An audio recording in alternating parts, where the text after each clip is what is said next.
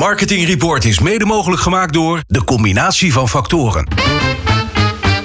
Marketeers vertellen hun beste verhalen hier in Marketing Report. Het programma over media, data, marketing, communicatie en technologie. Elke derde dinsdag van de maand van half zeven tot acht. Dit is Marketing Report, een initiatief van Mediabureau Zicht en Media Meetings.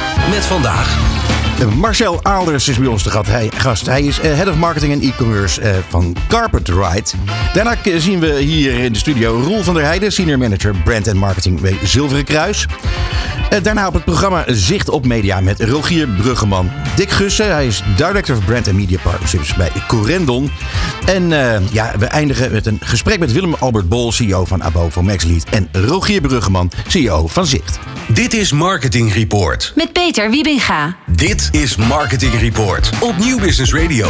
Ja, luisteraars, ik ben er wel. En mijn collega Bas Vlucht is er helaas vandaag niet bij. Maar eh, gelukkig geeft dat niet zo heel erg. Want we hebben geweldige gasten vandaag. Waaronder Marcel Aalders. Ik zei net al, Head of Marketing en E-Commerce bij Carpet Ride. Welkom in de studio. Ja, dankjewel. Wat leuk om hier te zijn. Ja. Nou ja, het is fijn dat je er bent. Eh, jij bent een, eh, een echte marketeer in hart en nieren. Hè? Ehm, een, een, een merkenvernieuwer. Ik zag staan Digital First. Je bent ook docent bij eh Bekenstein. Ehm, maar voordat ik dat allemaal ga roepen, wat, wat je allemaal verder nog eh, eh, gedaan hebt, et cetera. Zou je misschien jezelf kort even voor kunnen stellen? Eh, nou, het is al een hele mooie introductie, eh, moet ik zeggen. Er is veel aan, eh, aan toe te voegen. Nee, ik ben echt een behoorlijke vakidioot op het gebied van merken bouwen en de vertaalslag naar marketingstrategie en e-commerce. Lees alles wat los en vast zit. Sta graag voor op een podium om erover te vertellen. Geef les en vind het ook heel lekker om in de praktijk te staan en echt handen en voeten te geven aan een strategie en die te laten werken. Ja, te gek hè? Dat is echt gek. Ja, voor ons is het ook fijn, want namelijk eh, zo'n programma wordt altijd leuker als mensen heel erg enthousiast over het vak kunnen vertellen. Ja. Eh, je zit bij Carpet Ride. Ehm, eh, jij, doet, jij, jij hebt meerdere klussen, zal ik maar zeggen, gedaan eh, als interimmer. Ehm, Carpet Ride, dat is een, een interessant merk eigenlijk.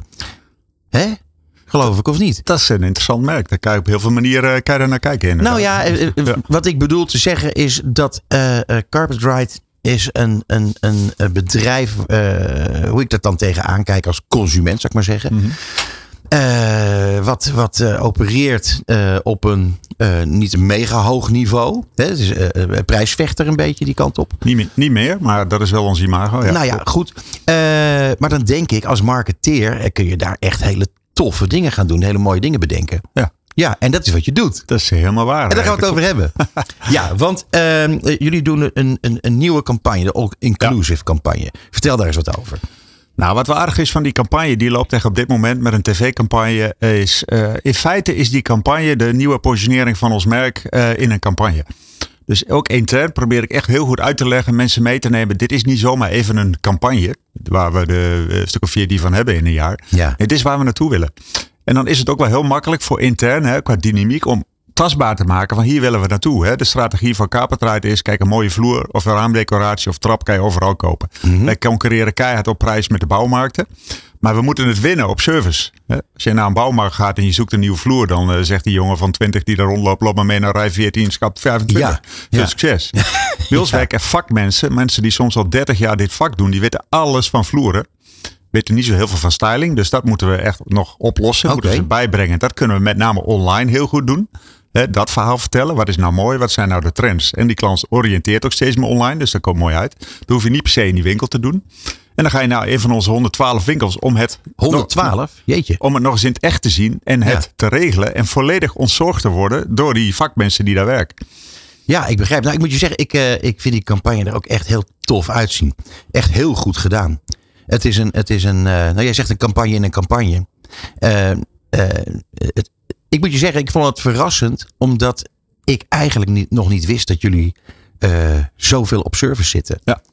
En het is grappig dat dan een, een jongen een, een foto van een vloer laat zien die hij in huis heeft laten leggen. Maar dat is eigenlijk, is dat nog helemaal niet gebeurd. Nee. Een- Kijk, dat is natuurlijk de knipoog. Hè? Ja, We hebben precies. gezegd, de boodschap van ontzorgen, dat is echt een beetje vervelend containerwoord. Dus hoe kan je dat nou verpakken? Terwijl wij gezegd, met een knipoog naar de reiswereld. En Dick, eh, die komt zo meteen van Corendon. Die weet gaan Ja. we nog samenwerken in deze campagne. Dat contact lag er al heel toevallig. ja, is all-inclusive is wel een hele mooie eh, strik die je er omheen kan hangen. Waarbij je zegt, je koopt bij onze vloer of raamdecoratie of trap. Zit alles bij in. Gewoon Ja. je ondervloer, plinten. We leggen, het, eh, we leggen het voor je op maat gemaakt. We komen bij jou thuis opmeten. Je hoeft alleen maar uit te zoeken wat je mooi vindt. En de rest wordt helemaal door ons geregeld. dat is wel een fijne boodschap. Ja, dat is het. Alleen ik vind dan, eh, wat ik dan echt toch wel een beetje lastig vind, is de naam Carpet Ride. Hoe, hoe zit dat dan? Daar heb jij wel een punt. dat is ook lastig. Hè? Ja. We hebben een naambekendheid van 86% in Nederland. België iets lager, rond de 60, 70. Ja, daar neem je niet zomaar afscheid van. Maar Nee. vloeren, vloerbedekking, mensen kennen ons van vloerbedekking en vinyl. Dat is nog maar 15, 20% van onze omzet. Daar is het allemaal harde vloeren, raamdecoratie, trap. Ja. Dus wij verkopen echt wel hele mooie kwalitatieve, de allermooiste vloeren van de bekendste merken. Maar daar, dat zit ons nog wel een beetje in de weg. Dat is het terecht punt. En dan kost je jaren om daar eh, afscheid van te nemen, om dat te veranderen. Dan kun je Ja. natuurlijk zeggen, moet je je naam veranderen. Hebben ook nog met ons moederbedrijf in Engeland te maken. Dus dat doe je niet even zomaar. Eh, Nee. Dus dat is wel een eh, ding. Van de andere kant denk ik ook wel eens. Kijk, mijn laptop heet ook Appel. Ja, En dan denk ik ook niet aan fruit. Als ik, eh, Nee, dat is ook dus Het waar. is ook maar net hoe letterlijk je op een gegeven moment daarnaar kijkt. Ja. absoluut.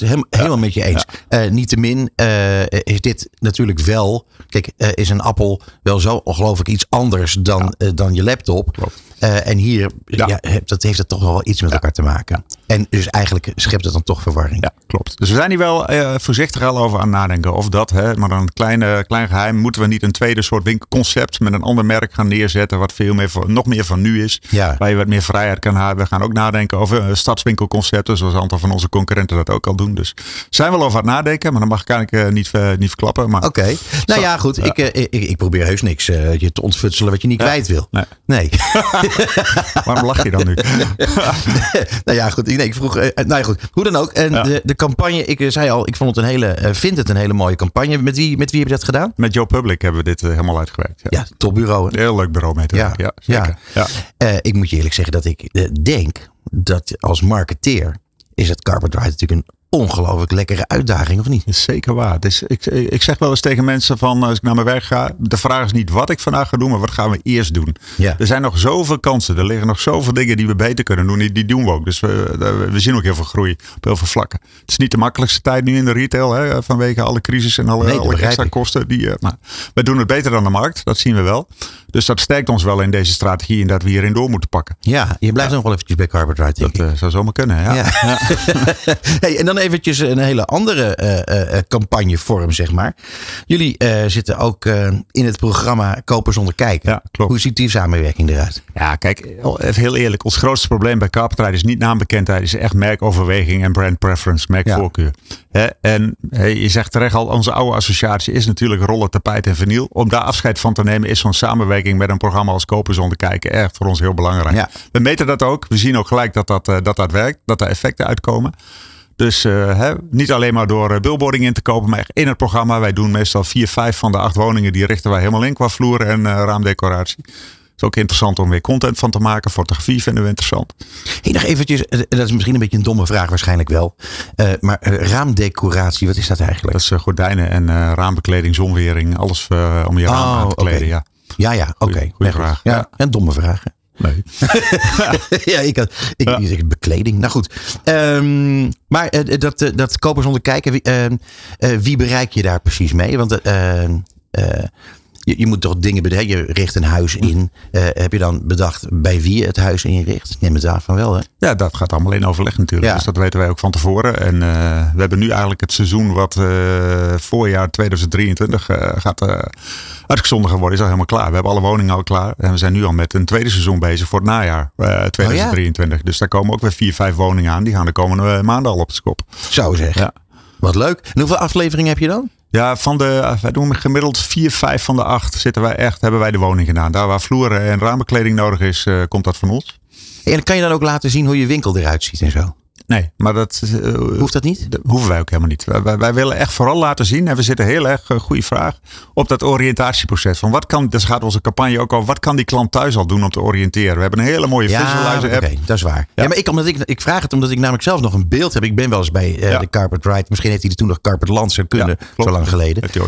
Eh, maar ik heb nog een beeld bij hoe die winkel eruit ziet. Ja, en helaas is dat beeld bij twee derde van onze winkels nog steeds eh, terecht. Wij moeten, Oh. nog, wij moeten nog van die 112, ik denk zo'n 75 winkels eh, helemaal ombouwen. Oh, oké. Dus daar zitten we middenin. Ah. Ja, om ons nieuwe winkelconcept echt helemaal landelijk uit te rollen. Dat gaat niet zo snel als hadden gehoopt. Ook door corona en Tuurlijk, alle investeringen die je nodig hebt. Maar daar gaan we wel naartoe. Ja. En hoe ziet de toekomst eruit? Voor eh Carpet Ride? Ik bedoel, jij, jij zit daar natuurlijk als, als topmarketeer. Dus jij doet nogal je best om ervoor te zorgen dat het lekker gaat natuurlijk. Maar eh, met alle uitdagingen van deze tijd.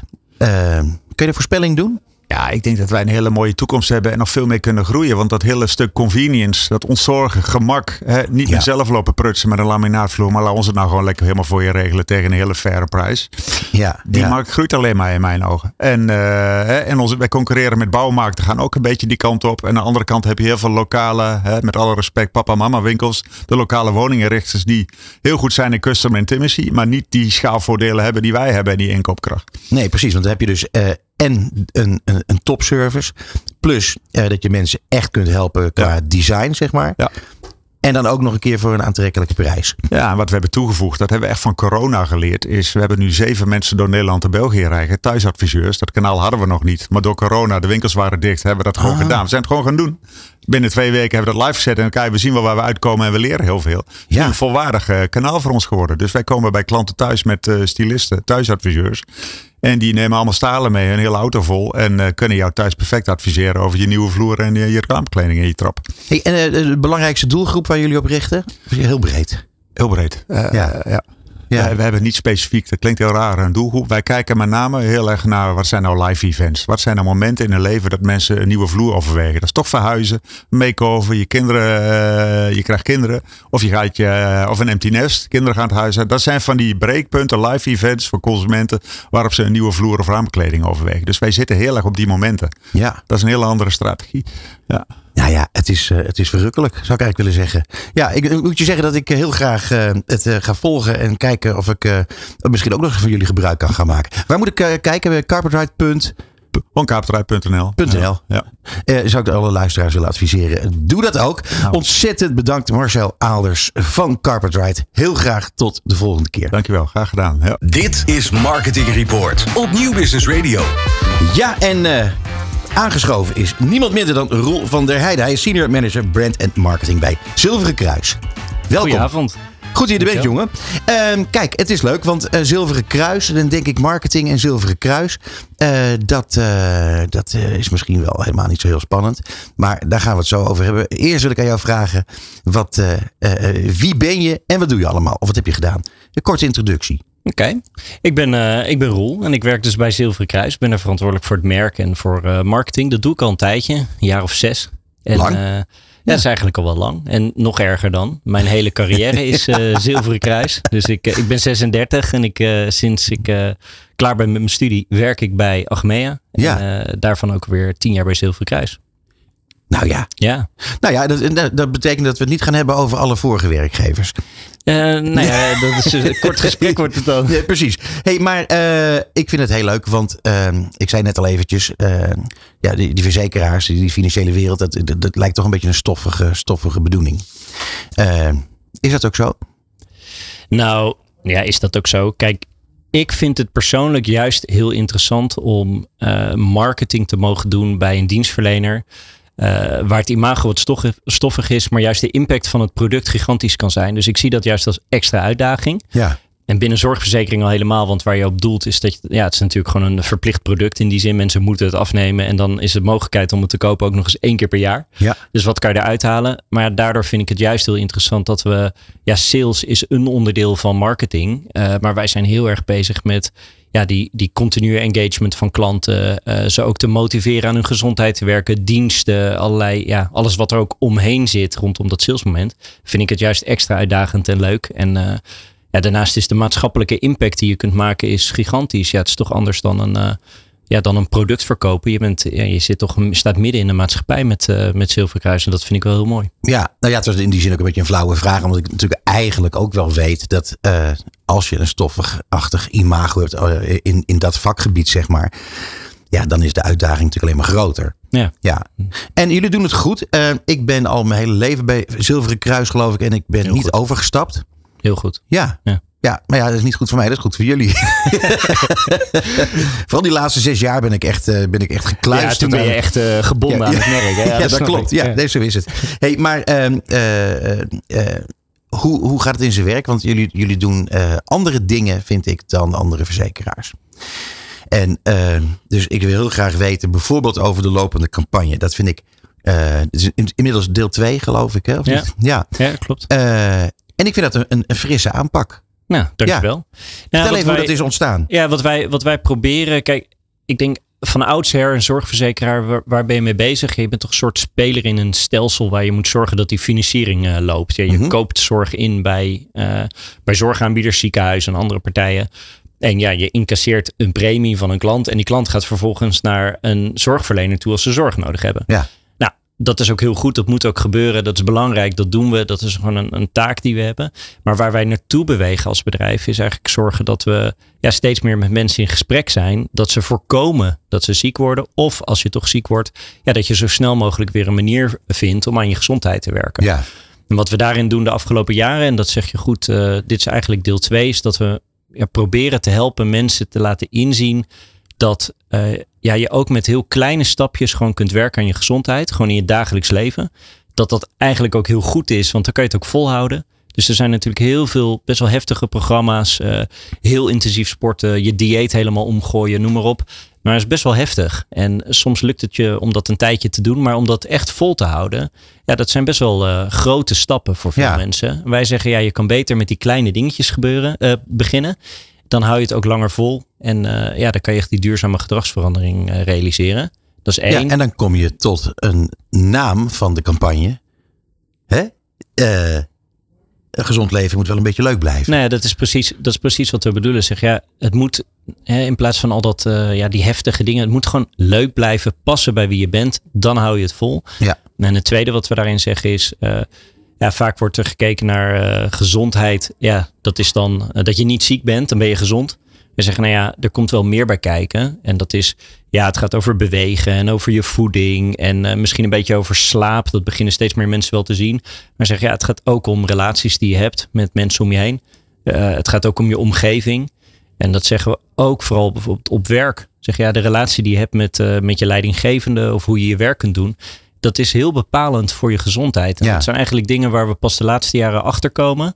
Hoe groot die impact is. En dat is dan weer leuk dat we met Zilverkruis ook met uh, ja, vrijwel heel werkend Nederland samenwerken. Dus bijna alle grote bedrijven in Nederland uh, zijn ook klanten bij Zilverkruis. Mm -hmm. ja, dat je dan ook samen kunt werken aan die gezondheid van, uh, van oh, Nederland. Wat een interessante wending in dit gesprek. Dus dat betekent dat, dat de, al die grote bedrijven eigenlijk eh, meedoen aan jullie campagne. En dan niet zozeer de campagne, reclamecampagne, maar meer de campagne om op een leuke manier, op een goede manier. Ja, onze missie eigenlijk. Ja, precies. Uh, ja. ja. Ja, je kan in, interessant zeg. Ja, je kunt in Nederland kun je, je kunt je verzekeren, uh, dat noemen ze een collectief verzekeren via je werkgever. Ja. Uh, en de werkgever heeft er natuurlijk ook baat bij dat werknemers zo gezond mogelijk zijn. Dat is soms wat platter gewoon van ja, dan heb je weinig verzuim en kan lekker productief Tuurlijk. zijn. Maar, natuurlijk, maar ook dat ze daar hun zin hebben. Nou, Exact. Ja, en precies. dat zie je ook steeds meer bij, uh, bij werkgevers. Het belang wat ze zien dat mensen, nou ja, dat je zingeving hebt, dat je weet waarom je werk doet, zeker in een krappe arbeidsmarkt. Ja, je wilt toch ook je werknemers aan je binden. En daar is ja, ook het werken aan uh, gezondheid is daar zeker een groot onderdeel van. En dat doen we vaak samen met die grote werkgever. En wat, wat, is, wat is jullie rol dan? Nou, dat ligt een beetje aan, uh, dat kan je op verschillende niveaus zien. Wij hebben, wij hebben vaak veel kennis van de sector en branchebrede informatie, waar een werkgever natuurlijk vaak ziet hoe zij het doen, kunnen wij dat afzetten voor ze tegen de branche. Mm-hmm. Gewoon zien hoe doe je het nou eigenlijk. Dus het is een stukje inzicht. Vervolgens vanuit het inzicht hebben wij ook wel de kennis en ook de adviseurs die met die werkgevers kunnen kijken naar hey, wat zijn dan interventies die je kunt doen. Oké, okay, als je ziet dat er iets gebeurt bij jou, wat kun je doen? En als laatste hebben we ook nog aanbod. Dus wij kunnen natuurlijk uh, allerlei verschillende ja, aanbieders contracteren en dat aanbod ook weer ter beschikking stellen via de werkgever aan werknemers. Om zo te werken aan die uh, gezondheid. Dus dat is eigenlijk wel een drietraps uh, ja. pakketje. Nou ja, wat ontzettend interessant. Ja. ja vooral ook uh, ontzettend leuk om, om te doen, lijkt me. Vooral omdat, nou ja, uh, nee, dat, natuurlijk is het leuk om te doen. Maar uh, ik neem aan dat het een effectieve campagne is in meerdere opzichten. Ja, zeker weten. Dus de, de campagne doet het hartstikke goed. Dus ik, ik ben er sowieso al trots op dat we als bedrijf deze stap zetten. Dus ja, waar ik ook mee begin, waarom vind ik mijn werk heel leuk? Ik ben, ik ben er trots op dat ik bij een bedrijf mag werken wat zich zo in de maatschappij begeeft. En het is soms ook best wel lastig, hè, want iedereen heeft een mening over een zorgverzekeraar. En dan zit je daar soms zelf, denk je, ja, met al die goede intenties. Ja, of helemaal geen mening zelfs. Ja, of, Of het is helemaal blanco, denk je. Ja. dus dat, dat is soms best wel, eh, hè, dan denk je, nou, kom op. En dan wil je heel graag vertellen en laten zien wat je allemaal doet. Maar ik ben, ik ben er hartstikke trots op dat we die beweging eh, in gang hebben gezet. En als je dan ziet dat het ook resoneert, Mhm. hè, dat mensen ermee aan de slag gaan. Hè, dus we hebben wat oplossingen daarachter zitten.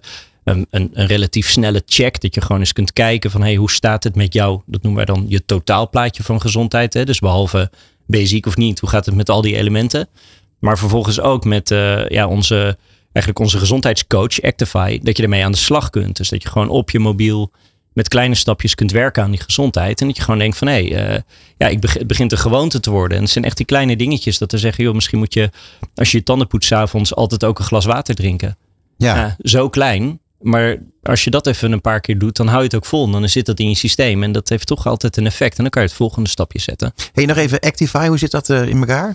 Nou, Actify is, een, eh, ja, is eigenlijk onze, onze vitaliteitscoach. Eh, dus dat is, een, eh, ja, dat is een, een, een app waarmee je zelf kunt aangeven van hey, waar wil ik eigenlijk aan werken? Is dat meer eh, ja, wat gezonder eten? Is dat wat meer bewegen? Is dat, zit dat meer in slaap? Dus waar wil je mee aan de slag? En dan zijn er met wetenschappelijke onderbouwing samen met gedragswetenschappers hebben we ja, verschillende minis gecreëerd. Kleine stapjes die je gewoon in je dagelijks leven kunt incorporeren. Gewoon iedere dag iets doen. Nou, dat telt op tot meerdere van die minis noemen wij dan een serie. Maar waarom noemen we dat een serie? Omdat je dan op een periode zit waarvan we weten vanuit de wetenschap ook dat je dan op het punt komt dat het onderdeel wordt van je gedrag. Ah, oké. Nou, dan ga je daarna weer verder. Stap je, en dan kan je of kiezen, hey, ik wil hier meer van. Ik heb, ik heb nu de eerste, ik heb de smaak te pakken. Ik wil meer doen. Ja, of je verbreedt misschien. Dat je zegt van, nou oké, ik heb nu iets gedaan in mijn voeding. Maar nu wil ik aan de slag met bewegen. Of Ja. ja. nou ja, dat hele spectrum, dat zit in Actify. Toch wel een klein puntje van kritiek. Kan Ja, je niet voorstellen. ja. Kijk, ik ben al mijn hele leven bij zo'n beetje bij, eh, bij Zilveren Kruis. Maar ik bedoel, ik wist echt niet wat het was, Actify. Ja, nou ja, dat is heel jammer. Eh, Ja, maar is dat nou mijn, is dat mijn fout? of is dat jouw fout? Nou, dat is natuurlijk altijd mijn fout. nee, dat, eh, joh, dat, wij zijn, wat ik zeg, we zijn hier nog, ehm, we zijn hier ook nog groeiend in. Dus van, van oudsher zijn we ook wel gewoon een partij van wie veel klanten eh, één keer per jaar post krijgen. Ja. Het is een rekening of een declaratie. Ja. Eh, dus wij proberen daar via allerlei verschillende kanalen mensen steeds meer bewust van te laten zijn. Nou, dat lukt blijkbaar nog niet eh, altijd helaas. Dus dan ga ik meteen, als ik thuis kom, even induiken hoe we jou ook kunnen targeten. Ja, Ehm, zou voor mij heel goed zijn hoor. ja? Ja. Nou, praten we straks over. Ja, oh, dat is goed. Dat is goed. Hey, eh, je zei tegen mij dat klantgerichtheid dat dat nog wel een dingetje is. Ehm, wat, wat bedoel je daar precies mee? Nou, nog wel een dingetje is, kijk, eh, als je een financieel dienstverlener, eh, wat ook gewoon een rol heeft in het stelsel, waarbij ja, sowieso natuurlijk een verzekeraar, ja, wat, wat doe je daar? Daar probeer je risico's te beperken. Hè? Dat, is, dat zit erin. Dus een heel groot deel van onze organisatie is ook gericht op gewoon te zorgen dat we een solvabel bedrijf zijn. Dus een bedrijf met voldoende middelen om te zorgen dat je risico's kunt opvangen. Dat is, dat is ook gewoon een heel belangrijk onderdeel van het werk wat we doen. Wat we, nou, ik zeg pas, maar dat doe ik onszelf eigenlijk tekort, maar sinds een jaar of tien steeds beter aan het doen zijn. En zeggen van ja, je moet steeds meer vanuit die klant al je werk organiseren. In plaats vanuit ja, een proces of een systeem wat leidend is. Mhm. Maar voordat je dat helemaal veranderd hebt, niet alleen in de systemen en de processen, maar ook in de mindset en de cultuur, ja, dan ben je, wel, ben je gewoon wel eventjes Ja, bezig. begrijp ik. Tuurlijk. en daarom ben ik ook zo trots op zo'n stap. Ja, als je het als bedrijf aandurft om op tv te vertellen waar je voor staat, ja, dan moet je ook wel vertrouwen hebben dat je dat in je bedrijf goed geregeld hebt. Ja, eens. Ja, Nou, dus ik denk dat, eh, dat we die stap wel echt aan Ja. het zetten zijn. Ja. ja te gek. Hey, en welk bureau werken jullie mee? Het ligt eraan eh waarvoor. Nou, voor- voor- Verschillende voor- bureaus. Oké, eh, maar bijvoorbeeld eh, voor eh, die eh, eh, campagne eh, die ik dan gezien heb van Gezond Leven moet wel een beetje leuk blijven op tv. Ja, ons, eh, de- wij werken met Don. Ja, In, eh Ook een mooi bureau, ja. Dus eh werken we al een tijdje mee, doen we veel mee. Maar we ook op eh Mindshare doen we media mee. En we hebben met, Ja. eh met Accenture Song werken we samen. Dus er zijn verschillende partijen met wie we samenwerken. Maar ons eh, ja, meer strategisch eh, bureau is eh, Don. ja. Ja. Nou, schitterend. Hey, eh, dan eventjes naar eh, de toekomst. We zitten eh, in, in rare tijden, roepen we al, Ja. al drie jaar, zo'n beetje. Ja. Ehm, hoe ziet de toekomst eruit voor, voor Zilveren Kruis? Prachtig, Ja? tuurlijk. Nou ja, ik weet niet. Ik bedoel, het, het, het is een, het is, er zijn zoveel dingen onzeker. Uh, ja, nee, zonder dolle, want ik zeg prachtig, daar geloof ik ook echt in. Maar voor Zilveren Kruis was natuurlijk de afgelopen twee jaar met corona al um, ook een heftige periode. Hè? Dus voor, voor ieder bedrijf. Maar wij speelden natuurlijk ook nog een rol in het zorgen dat Precies. zorg toegankelijk was Ja. en beschikbaar was. En hoe je dat dan allemaal organiseert. En dat is natuurlijk de mensen die de zorg hebben moeten verlenen. Daar gebeurt het echte werk. En wij proberen een beetje op de achtergrond dingen te regelen en te faciliteren dat het ook kan gebeuren. Maar ja, dat hebben we dan nu. Hopelijk eh, zijn we daar weer wat stappen verder in. Ja, en dan zit je nu in, de, in, de huidige, in het huidige economische klimaat. Ja, van de totale, dat hebben jullie met Prinsjesdag misschien ook wel gezien. Van de totale uitgave is eh, een kwart of zo gaat naar de zorg. Dus Ja. als je gewoon ziet wat de impact van zorg en zorgkosten is op het leven van mensen. En daarmee de- uiteindelijk ook op de portemonnee. Ja, dan is dat gigantisch. Ja. Tegelijkertijd zit je dus in de situatie dat we vinden met z'n allen in Nederland. En ik denk ook heel terecht ja, dat de mensen in de zorg een hoger loon verdienen. Mhm. Nou, dat wordt ook goedgekeurd. Ja, dat moet ook ergens uitbetaald worden. Ja. De zorg moet beschikbaar blijven, noem maar op. Dus de premies nemen eh, toe. Ja, Ehm, net zoals alle andere kosten. net zoals alles op dit moment Ja. toeneemt. Ja, Ja. en voor een gemiddeld huishouden is dat inmiddels. eh, ja, zijn, zijn, is ook de kosten van de zorg zijn best wel eh, fors in je portemonnee. En Ja. ja. ja, als je dan inderdaad alle andere kosten meeneemt, dan is dat natuurlijk hartstikke heftig. Maar dan is er goed nieuws. Want namelijk, als je dan vervolgens gezond leeft eh, op een beetje een leuke manier. Volgens, eh, eh, hoe heet het weer? Actify. Dan, ja, dan, dan, dan gaan die kosten vanzelf omlaag. Uiteindelijk, toch? Nou, het is in ieder geval wel, eh, het is in ieder geval waar, waar wij heel erg in geloven. Dat als je blijft werken aan preventie, veel meer, dat je dan in ieder geval de kern van het probleem aanpakt. In plaats van dat je achteraf pleistertjes plakt. Dus daar ben ik Ja. het helemaal mee eens. Nou, hey, eh, Roel, ontzettend bedankt eh, voor dit gesprek. Ja, het is, het is- het is echt heel kort altijd. Maar ja, ik kan er niks aan doen. Dit is wat het is. Roel van der Heijden, dames en heren, senior manager brand en marketing bij Zilverkruis. Dankjewel. Dankjewel. Dit is Nieuw Business Radio. Dit is Marketing Report op Nieuw Business Radio. Ja, en dan eh, gaan we door met eh, zicht op media. En dat doen we vandaag met Rogier Brugman. Rogier, goed dat je er weer bent. Ja, dankjewel Peter. Echt Fijn om gek. hier weer te zijn. Ja, en eh, weet je wat nou extra fijn is? Dat jij vandaag twee keer in de uitzending Ja, bent. Ja, ja. nu, Nu even en, kort eh, met zicht op media. Klopt. En straks in een heel prettig gesprek, dat weet ik wel zeker, met Willem Albert Bol. Absoluut. Ehm, voordat jij van wal steekt met eh, een paar onderwerpen, mag ik heel kort even roepen. Namelijk, heet van de naald, krijg ik net binnen. Dat bij Content Marketing die Awards, die plaatsgrijpen op eh, 28 november, hiernaast in, Ja. in beeld en geluid, dat daar 160 inzendingen voor zijn binnengekomen. dat is best veel. Dat is echt veel. Ja. Eh, en vandaag is bekend geworden dat er 69 eh, dingen zijn genomineerd.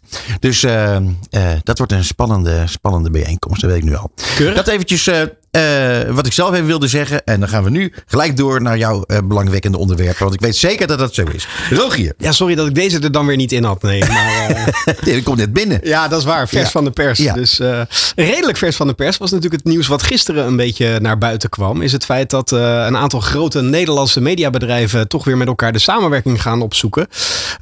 Ditmaal om ervoor te zorgen dat klanten hun eigen online data kunnen gaan beheren. Ehm, en dat initiatief heet het Nederlandse de, de Nederlandse datakluis. En ehm, dat start met RTL, Talpa, NPO, DPG en Mediahuis. En Martijn van Dam, eh, die momenteel bestuursvoorzitter is van de NPO. Ja. Die stopt daarmee en die gaat eh, deze tak leiden. eh, samen met Arno Otto van Talpa. Die blijft trouwens ook wel actief bij, bij Talpa. Eigenlijk met als doel dat eh, consumenten straks gewoon hun eigen data kunnen beheren. En Ja. je, eh, Het zou toch potdommers tijd worden, vind ja, vind ik eigenlijk ook wel. Het is natuurlijk wel, eh, er zijn best wel veel initiatieven in het verleden al geweest Ja. in het buitenland. En eigenlijk allemaal wel mislukt, omdat het toch over het algemeen wel ten koste gaat van de reclameopbrengsten. Dus ik ben benieuwd hoe ze het dit keer op dat vlak gaan, gaan vormgeven. Maar we hebben toch genoeg creativiteit in de markt om te kijken hoe we dat gewoon op een goed pijl kunnen houden. Ik denk het wel, ik denk Ja. het wel. Maar goed, samenwerken is ook altijd lastig. Hè? De commerciële partijen hebben eerder op datavlak een samenwerking opgezocht in NL Profiel. Ja. Ik weet niet of je dat nog kan Ja, herinneren. 2,5 jaar geleden. Eh, maar dat ging met name om databundeling, eh, zodat je dat met elkaar kon targeten Ja. en eh, kon inzetten. Dit is natuurlijk wel echt een ander doel. Maar goed, ja, ieder heeft daar toch weer zijn eigen belangen ook in. Dus ik ben heel benieuwd. Ik vind het wel een, een goed initiatief. Dus, ja, nee, ik vind het zeker een goed initiatief. Nou ja, daar ga je nog een keer op terugkomen, neem ik aan. Nee, zeker waar hoor. Dat gaat echt nog wel even duren. Want ja, ze moeten heel, nog heel veel onderzoek onderzoek doen, het nog helemaal ontwikkelen. Dus staat echt in de kinderschoenen. Ze zijn nu eerst investeringen aan het ophalen. Onder meer uh, bij het Nationale Groeifonds hopen ze uh, geld los te weken. Dus, uh, maar absoluut, ja. we gaan daarop terugkomen. Zo is dat.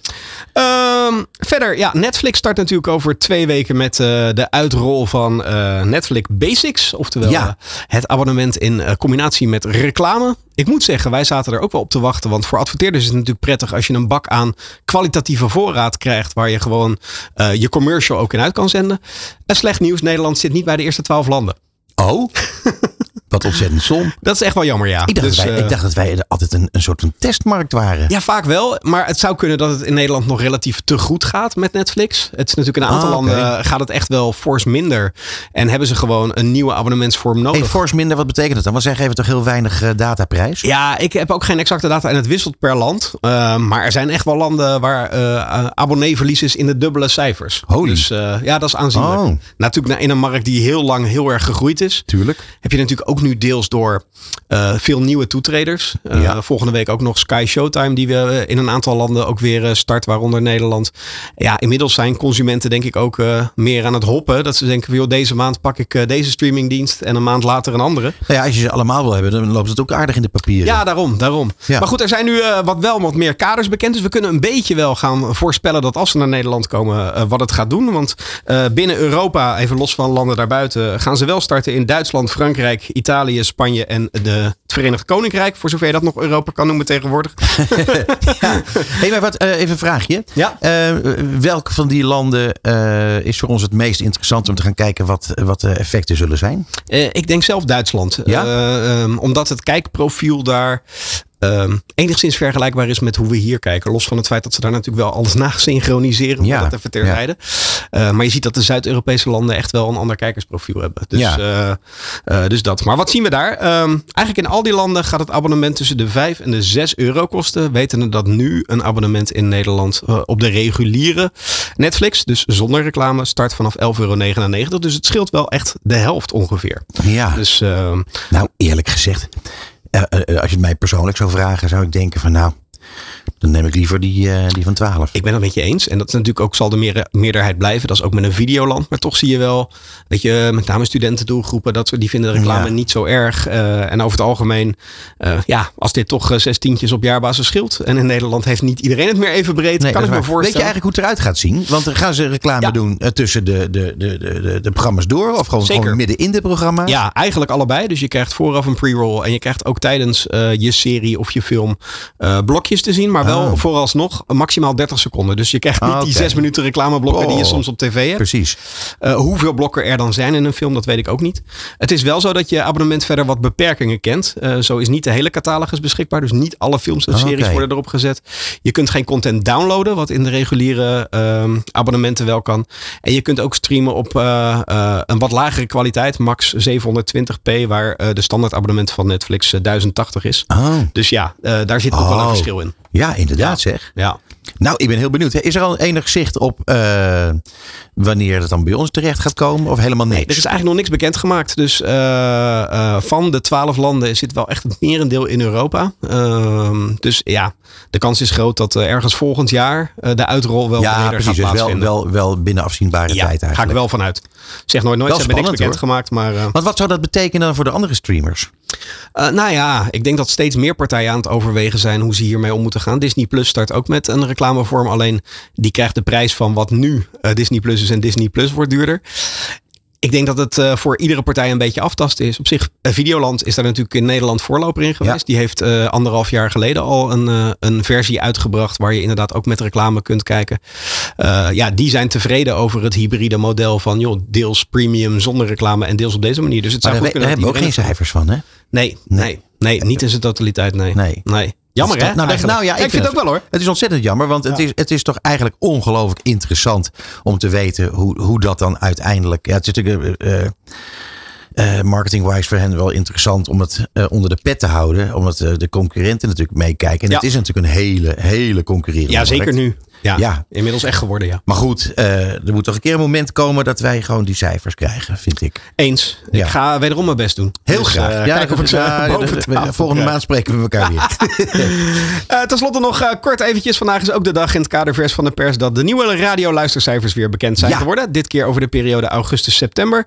Eigenlijk geen hele grote verschuivingen. Eh, marktleiders Q-Music en Radio 2 leveren wel allebei ietsje in ten opzichte van de vorige meting. Oh, Maar ze winnen nog altijd wel terrein ten opzichte van eh, een jaar geleden. En Q-Music stijgt hiermee al 52 maanden op rij. In vergelijking met de maand van het jaar ervoor. Dus ja, er moet een keer een moment komen dat het eh, wat Ja, inzakt. Maar vooralsnog niet. Dus maar een heel klein beetje, maar het is... beperkt. ja. De grootste stijgers ten opzichte van een jaar terug zijn de wat kleinere zenders, namelijk Kink, wat een wat jonger profiel heeft. Ja. En in het kader wat ouder profiel ook NPO Radio 5. Dus, Oh, wat grappig. ja, grappig dat die echt in de lift zitten. En dat gaat met name ten koste van Sky Radio en, en 538. Eh, die gewoon echt wel een behoorlijke daling kennen ten opzichte van een jaar geleden. Ja. Dus, eh, Maar het is, eh 538 is toch zwaar weer, zou je kunnen zeggen. Ja, je hebt toch het idee nu met nieuwe programmering, mensen die moesten wijken, Ja. dat dat nog niet heel erg zijn vruchten afwerpt. Dus ik ben heel benieuwd hoe Talpa, dit waren toch de twee vlaggenschippen van, van Talpa. Nou maakt Radio 10 het wel een stukje goed, want het Ja. is inmiddels de derde zender van Nederland. En een, maar ook een Veronica zet nog niet echt heel erg door qua... eh, dus Talpa heeft het zwaar. Ja, en, het- Ja. en- en het is eigenlijk heel gek hè, als je kijkt naar wat een ongelooflijk goed merk 538 is. Absoluut. Zo'n sterk merk. Zo'n goed beeldmerk ook. Eh, eh, het is, het is, ik vind het, ik vind het de, dat we zeggen, de, de, de merkentrouw van de luisteraar, die, eh, die laat de wensen over. Ik denk dat die, ik denk dat dat klopt. Ik denk wel dat, eh, eh, weet je, radio is ook wel emotie. Is Ja. welke muziek wordt er gedraaid? Welke DJ spreekt mij aan? Dat Ja. mensen gewoon toch daar minder per se op het merk gebrand zijn. Dat zie je toch ook wel vaak bij Ja. eh, grote DJ-wissels. Kijk, een Radio 10, wat echt een paar jaar geleden een vrij klein station was, trekken dan toch grote namen aan als een Gerard Ekdom en dat soort dingen. En inmiddels Ja. is het gewoon de derde zender van Nederland. Dus Ja. ja, dat, en een 3FM, wat toch ook jarenlang Nou. andersom eh, een van de grootste zenders van Nederland was met Serious Request. Ja, die doelgroep heeft die zender ook massaal verlaten. Dus de merkentrouw is toch vrij beperkt eh, bij nee, de dat is waar. consument. Nee, Ja. maar het is eigenlijk een interessant, eh, interessant gegeven.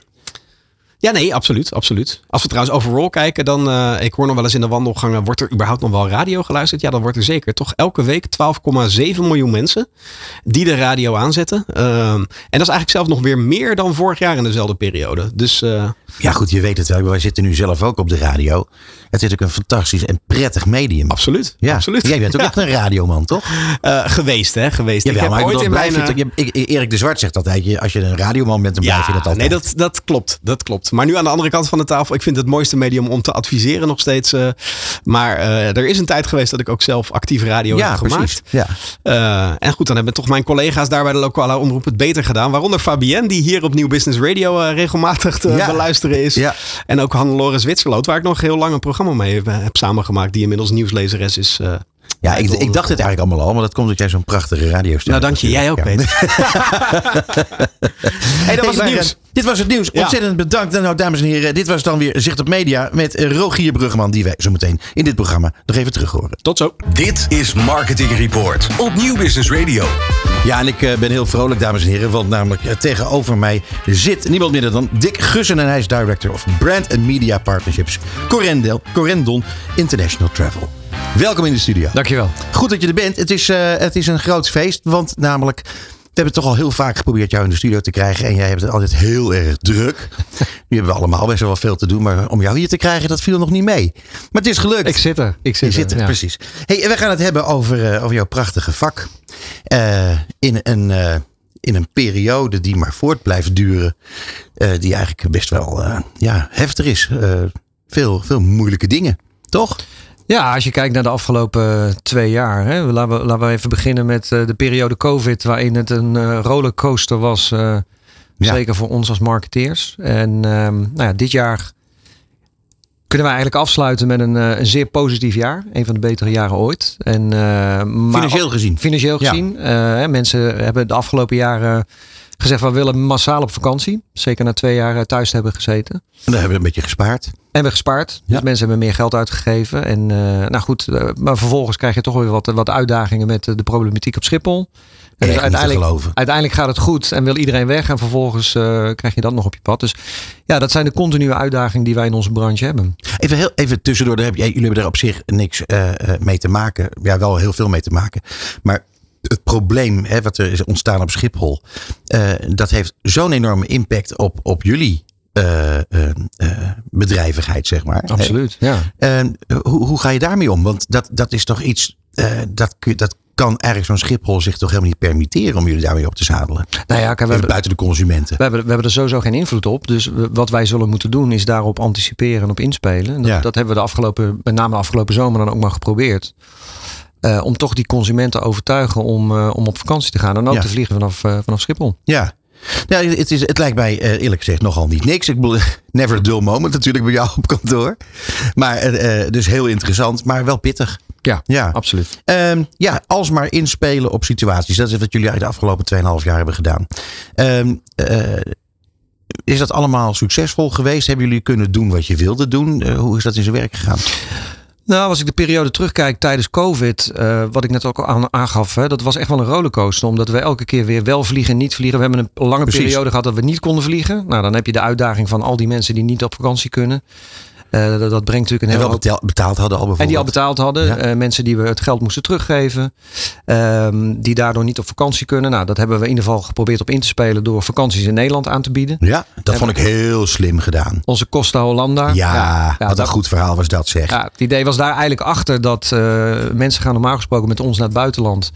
Het liefste in een, in een fantastisch 4, 5 sterren hotel op basis van all-inclusive. Dus Ja. wij dachten, nou, als we die mensen nou niet naar die hotels in het buitenland kunnen brengen. Laten we kijken of we in ieder geval die vakantie in Nederland kunnen creëren. Dat hebben we gedaan met ons hotel in, eh, in Bad.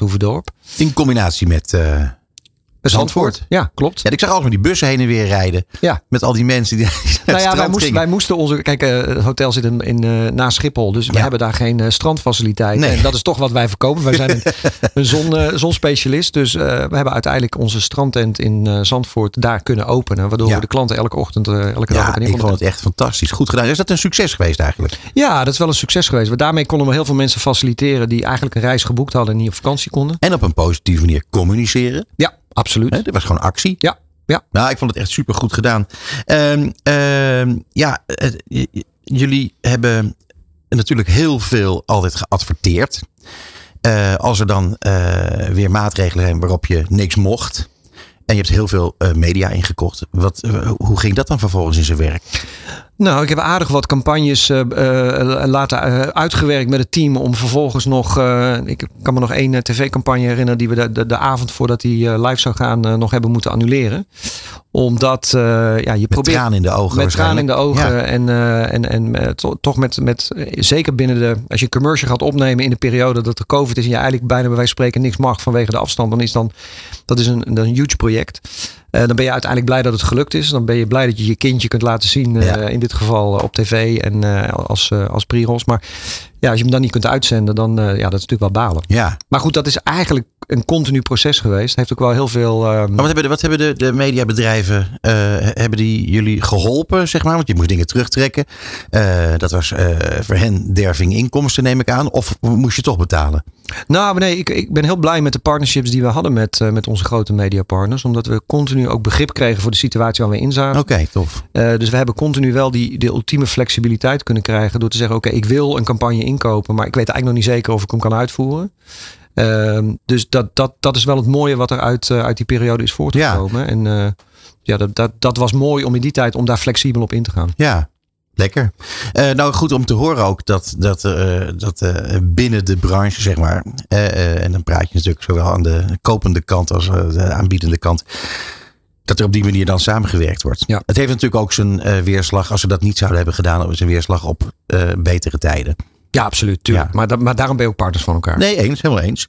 Zeg, en dan heb je eigenlijk weer nieuwe problemen. Ja, ik, ik, wil eigenlijk wel een vrolijk gesprek van maken. Daar gaat het niet om. Maar ik bedoel, uh, voor jullie is het, is, het, is het toch wel uh, over rollercoaster gesproken. Dan krijg je andere problemen. Krijg je problemen op Schiphol. Ja. met, met al die wachtrijen en zo. Maar je krijgt ook, en dan heb je ook nog een keer dat gedoe met die koffers. Afschuwelijk. Ja. Ehm, en dan heb je nu uh, een uh, andersoortige crisis die er uh, ook nog aan zit te komen. Alle prijzen gaan omhoog. ik neem aan dat de prijs van kerosine, dat zal voor jullie ook wel part gaan spelen. Ja, zeker. Want we hebben de afgelopen zomer daar wat minder last van gehad. Omdat wij toch vaak onze producten, of dat nou de kerosine is of de hotels, die kopen we eigenlijk al een ruim een jaar van tevoren in. Ja. Eigenlijk gaan wij dat effect van die stijgende prijzen pas vanaf dit winterseizoen. Hè. Dat, dat begint over een, een kleine twee weken. Mm -hmm. ons, ons zomerseizoen is bijna voorbij. Um, en dan komt november eraan, dan begint je winterseizoen. En uh, dat, dat is voor ons natuurlijk ook spannend. Want eigenlijk, als ik kijk naar de belangrijkste periode van ons, komt er nu aan. Dat is eigenlijk de periode december tot en met maart. Waarin wij uh, als Corendon echt in het vroegboekseizoen uh, terechtkomen. Dat betekent eigenlijk dat een, een, een, groot percentage van je klanten gaat dan eigenlijk al zich oriënteren en boeken voor de zomer ja. die er dan aankomt. En um, dat is een hele spannende periode. Want je weet niet wat de consument gaat doen. Je weet nee. dat, dat wij vanuit onze kant niet anders kunnen dan toch de prijzen een stuk verhogen. En dat kun je overigens niet compleet doorvoeren. Hè. Dus de, de, de complete prijsstijging kun je niet één op één doorvoeren aan je klant. Dus dat, dat proberen we toch een beetje te, te kijken wat de markt aan kan. Dus dat betekent van de ene kant dat je je klant iets meer vraagt voor een vakantie. En van de andere kant zul je ook weer wat marge moeten inleveren. Dus ik, hoorde, ik hoorde op de radio een gesprek met uh, mensen die hebben een, uh, een sauna bedrijf. Uh, en daar staat de, de kachel natuurlijk de hele dag op 100. Uh, en die zeiden van ja, we hebben echt een groot probleem. Want wij moeten uh, die kosten gaan doorberekenen aan onze klanten. Werd gevraagd wat is dan de entreeprijs? Nou, 27,50. Oké, okay, wat komt er dan bij? 7 euro per, per persoon. Ja. Dacht ik, dat valt mij erg mee. Uh, dat kunnen die mensen die naar de sauna gaan best wel betalen. Want dat is de prijs van, van één uh, verse jus of zo, neem, neem ik aan. Ja. Maar bij jullie lijkt me dat een heel ander verhaal. Dat is geen 7 euro die erop komt. Nee, dan heb je het echt over uh, gemiddeld, uh, een beetje, natuurlijk een beetje afhankelijk van de bestemming. Maar laten we zeggen gemiddeld 100, 150 euro. als je dat dan uitrekent op een gezin met twee volwassenen en twee kinderen. Dan ga je toch meer betalen, substantieel meer betalen voor, ja. je, voor je vakantie. En bij ons is het dan niet alleen de stijging op het basis van de kerosineprijs en de hotelprijs. Want ook hotels moeten meer betalen aan elektriciteit Tuurlijk. en de ergos. Uh, en dan hebben we vanaf volgend jaar ook nog een, een ecotax van bijna drie tientjes. Dus het, het wordt duur. En, en dan, dat is voor mij met name interessant om te kijken hoe de consument daarop gaat reageren. En uh, als je dan kijkt naar ja, hoe kun je daar qua marketing op inspelen, dan zullen we moeten kijken of de klant open staat om vroeg te boeken. Ja. En daar proberen zoveel mogelijk in, uh, in, in, in mee te nemen. En in, daarin te... Als nou zo'n zo'n ecotax, als dat nou een, een killer is, hè? Dus je moet al vanwege de energieprijzen en je inkoop, et cetera. Voor de hotels, uh, noem het allemaal maar op, uh, uh, al flink gaan verhogen. En dan komt die ecotax er nog eens een keertje bij. Zou er dan een kans in zitten dat die wordt uitgesteld? Nee, dat verwacht ik niet. Want nee? daar, daar is door de politiek al een, een, beslissing over genomen. Ik, ik verwacht eerder uh, wat we in het verleden ook al gezien hebben met de introductie van de eerste uh, uh, ecotax, is dat mensen uiteindelijk gaan kijken of ze gaan vliegen vanuit andere luchthavens. En dan met name natuurlijk in het buitenland. Ja. dus ik verwacht volgend jaar, en daar, daar anticiperen wij nu al op, om daar gewoon op, op in te kopen. Dus meer aanbod vanaf Brussel Airport bijvoorbeeld. Of ja. de Duitse luchthavens in de regio's proberen aan te bieden. Uh, want als die klant dan inderdaad zegt van ja, ik, dan vlieg ik niet vanuit Nederland vanwege die enorme kosten, dan hebben we in ieder geval een alternatief. Ja, je vertelde mij uh, uh, buiten de uitzending vertelde je mij over een onderzoek dat heeft plaatsgegrepen in, in Denemarken. over, over hoe mensen nu omgaan met, laten we zeggen, hun beschikbare budget. Hoe kijken ze aan tegen vakantie? welke keuzes maken ze? Ja. kun je daar iets meer over vertellen? Nou, dat onderzoek dat is in Denemarken gehouden. Daar werd eigenlijk aan de consument gevraagd van... als je nou volgend jaar rekening houden met prijsstijgingen... Ja. ergens op moet bezuinigen, ga je dat doen op vakanties? En daar heeft de Deen van gezegd, dat gaan we niet doen. We gaan, uh, nog dat niet, nooit. Dat gaan, we gaan nog niet, nog niet bezuinigen op, uh, op vakantie, maar met name op andere zaken zoals elektronica uit eten en dergelijke. En dat is ook wel een beetje mijn ervaring. Dat, dat stemt me dan ook nog wel uh, redelijk positief. Is dat de Nederlander, maar ook de Belg, over het algemeen het laatst bezuinigt op zijn vakantie. Vakantie ja. is bijna een, een eerste levensbehoefte. En lijkt onze markt op de Deense markt? Ja, zeker. Ja. Zeker, ja. absoluut. absoluut. Oké, okay, nou daar zit een goede graad bij. Dus, dus laten we hopen dat dat, uh, dat dat voor Nederland en voor België ook geldt. En dan, uh, ja, dan gaat die klant wel op vakantie. En hij zal misschien minder ver gaan, minder lang en minder duur. Maar hij gaat op vakantie. Ja. Um, nog even terug naar wat je in het begin zei. Hè, dat jullie hebben een, een, een buitengewoon goed jaar gedraaid. Uh, heeft dat ook geresulteerd in voldoende vet op de botten? Dat je deze ook weer een moeilijke periode wat gemakkelijker doorkomt? Of is, de, is dat uh, niet echt een inhaalslag geweest? Nou, kijk, we, we, we hebben natuurlijk vanuit COVID uh, hebben we het zwaar gehad. Ja. Dus, dus dan, als je dan vervolgens. Uh, Echt heel zwaar, toch? Ja, Ja, tuurlijk, tuurlijk. Ik bedoel, uh, we hebben uiteindelijk heel veel mensen niet op vakantie kunnen sturen, vakantie moeten uitstellen. Ja. Uh, veel kosten gemaakt om vluchten die we niet konden uitvoeren, noem het allemaal op. Maar goed, dit jaar was een mooi jaar. Mensen hebben geld uitgegeven. Mensen wilden meer op vakantie, mooier op vakantie, uh, duurder op vakantie. Allemaal blij teruggekomen. Allemaal super blij teruggekomen. Ja, ook En, belangrijk. uh, dus, nou, dus wat dat betreft staan we er nu goed voor. Ja. Hey, en wat, wat gaat er nu allemaal gebeuren? Wat zijn, wat zijn de, de, de, kansen die er allemaal liggen voor Corendon? Nou, mijn grootste uitdaging nu, want we zitten eigenlijk midden nu in het proces om onze vroegboekcampagnes samen te stellen en de, de, media in te kopen. Is met name inderdaad wat ik net ook al aangaf. Wat gaat die consument doen? Gaat hij vroegboeken of gaat hij niet vroegboeken? Dus we zijn nu eigenlijk met alle campagnes maximaal aan het inzetten op flexibiliteit. Mhm. Mm-hmm. Uh, de pijlstok erin. Wat mij betreft is dat voor ons de eerste grote vroegboekactie is onze, onze Black Friday. Die gaan we overigens Black Friday noemen. Oh, mooi. Um, daar Ja. gaan we kijken of de consument er klaar voor is om al Ja. vroeg te boeken. Uh, en dat betekent eigenlijk dat je continu moet gaan monitoren. uh, slaat het aan, slaat het niet. En dat zien wij over het algemeen vrij snel in de, in de boekingsstatistiek Ja. natuurlijk. En uh, mocht het niet aanslaan, dan ga je uitstellen. En dan ga je proberen om je, je campagnes verder door te schuiven. Dus die hele COVID-periode is ook wel een, een, enorme learning geweest. Gewoon in je operatie. Zeker. Ja. Zeker. Ja, wij, zo- wij zijn al een heel flexibel en, en zeker op marketinggebied vrij ad hoc.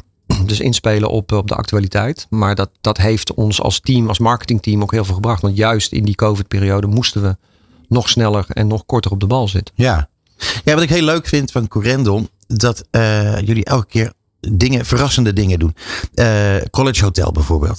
Kun je daar even iets over zeggen? Want ik vond dat zo leuk wat je vertelde over eh, dan, hoe dan, wat er gebeurt in het College Hotel. Dat dat weer zijn weerslag heeft op wat er gebeurt in Hoofddorp bijvoorbeeld. Ja, we hebben in de College Hotel ehm, vorig jaar, toen de horeca weer open ging, een restaurant geopend. Mondi, Caribbean Cuisine. Dat is een, een, een restaurant wat geënt is op de Caribische keuken. Komt ook weer een beetje vanuit onze roots, vanuit Curaçao, waar we ook een hotel hebben. Dat, Ja. dat restaurantconcept is zeer succesvol.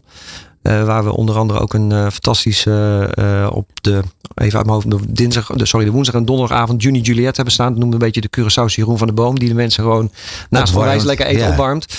En dat concept loopt heel goed. Dat concept hebben we nu ook doorvertaald in de Skybar van ons hotel bij Bad Hoeverdorp. Wat toch al een toffe plek is. grootste hotel van de Benelux met, met die prachtige Boeing 747 in de tuin. Ja, ja, ja. En, en sterker nog, dat, dat kan ik misschien wel vertellen. Dat is eh, dat wij eh, bezig zijn met fase 2 van ons hotel in eh, Curaçao. Oh, Onze hotelgroep.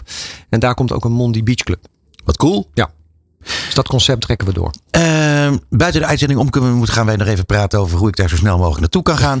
Eh, eh, Dick, ik eh, moet je zeggen dat ik zou nog uren met je door willen praten hierover. Want het is zo'n ongelooflijk interessant bedrijf en interessant onderwerp, jullie, jullie reisbusiness. Maar het zit er, het zit er helaas op. Dames en heren, Dick Gussen, Director of Brand and Media Partnership, Corendon International Travel. Dank voor je komst naar de studio. Dankjewel. Dit is Marketing Report op Nieuw Business Radio. Ja, en we beginnen nu met een, eh, een heel nieuw concept, dames en heren. Want namelijk, wij hebben hier tegelijkertijd twee gasten in de studio. We gaan praten met deze gasten over de kracht van onafhankelijke mediabureaus. eh, en wat daar allemaal bij komt kijken. Eh, ik hoop dat ze mij niet eh, al te lastig gaan maken vanavond. Het zijn twee pittige figuren, dames en heren. Willem Albert Bol, CEO van Abovo Maxlead. En Rogier Bruggeman, CEO van Zicht. Welkom in de studio. Dankjewel. Dankjewel. Ik vind het eh, leuk dat jullie hier zijn, jongens. Eh, we gaan praten over, eh, over ja, de mediabureaus, de onafhankelijke mediabureaus. Maar eerst, voor het onwaarschijnlijke geval dat er mensen zijn die jullie nog niet helemaal goed kennen. Willem Albert, kan jij jezelf even kort introduceren?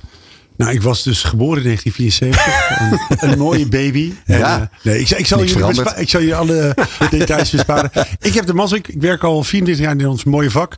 En ik heb de mazzel nooit gepland dat ik aan verschillende kanten van de tafel heb mogen zitten. En dat zeg ik vaak als een eer.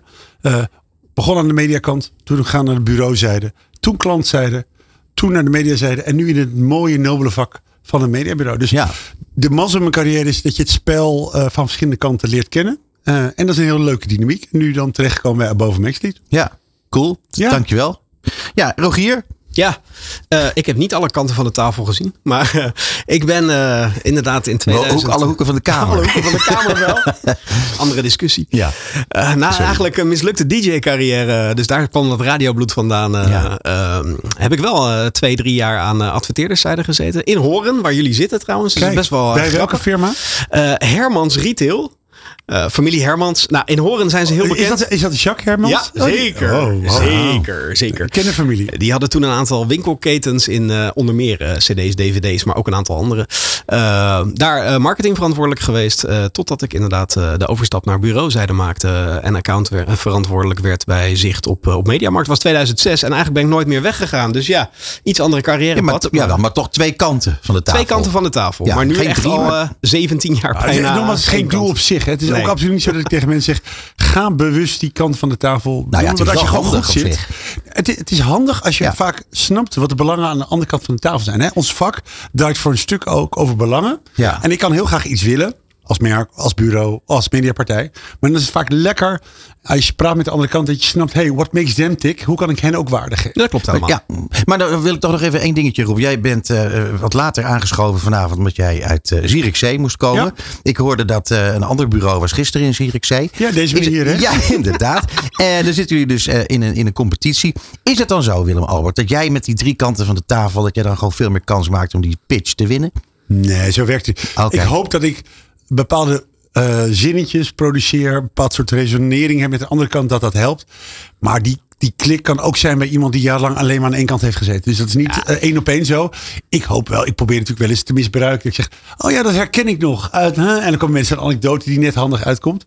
Eh, Nee, dat wel. wel eens. Die klik en die anekdotes die helpen altijd. Maar los van waar je zit of hoe lang je ergens op zit. Die klik, de ene keer heb je hem wel. Ja. De andere keer heb je hem niet. Het is wel lastig te voorspellen. Dat zie je ook wel in pitches. Weet je, de ene keer winnen jullie, de andere keer winnen wij. De andere keer wint er weer iemand anders. Ja, Ja, en wat ik zelf wel. heel grappig vind, Peter, voor uh, pitch is bijna een, een wetenschap op zich. Je zit er soms zo naast. Dat je, Ja. dat, zou ook, dat je wegrijdt met elkaar en dan zit je te high five naar deze. Deze Kat hebben we. in het bakkie. Jammerlijk verloren. En dan denk je, een andere pitch denk je, nou jongen, dit, was niet echt helemaal niks. We hadden geen klik.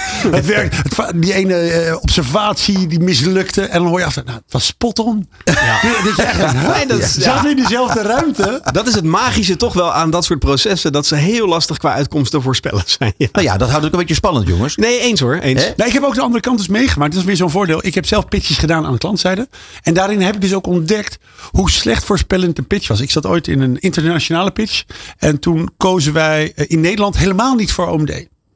Vonden we, hadden we geen klik mee. We vonden een beetje gelikt verhaal, weinig body. Nou, het stond op nummer vijf in mijn lijstje van zes. Uiteindelijk internationaal kozen we voor OMD. En dat was een match made in heaven. En hadden we een hele goede relatie mee. Dus die pitch was eigenlijk helemaal geen goede weergave Nee. van de samenwerking later. Dat is het lastige ook van pitch.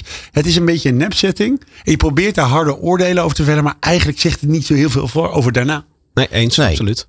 Maar nu we het er toch over hebben, over, er zijn niet zo heel erg veel onafhankelijke mediabureaus. Nee. Nee, steeds Ehm, minder. Ja, ja. Ja. goed, maar dat, Ja. dat is toch wel interessant. Wat, waar onderscheiden eh, de onafhankelijke mediabureaus zich van elkaar? Nou, of van, van, van andere van elkaar, bureaus? van de andere. Ik denk Van de andere. Wat het belangrijkste is, is het feit dat wij als onafhankelijk bureaus gewoon echt zelf kunnen bepalen wat we doen.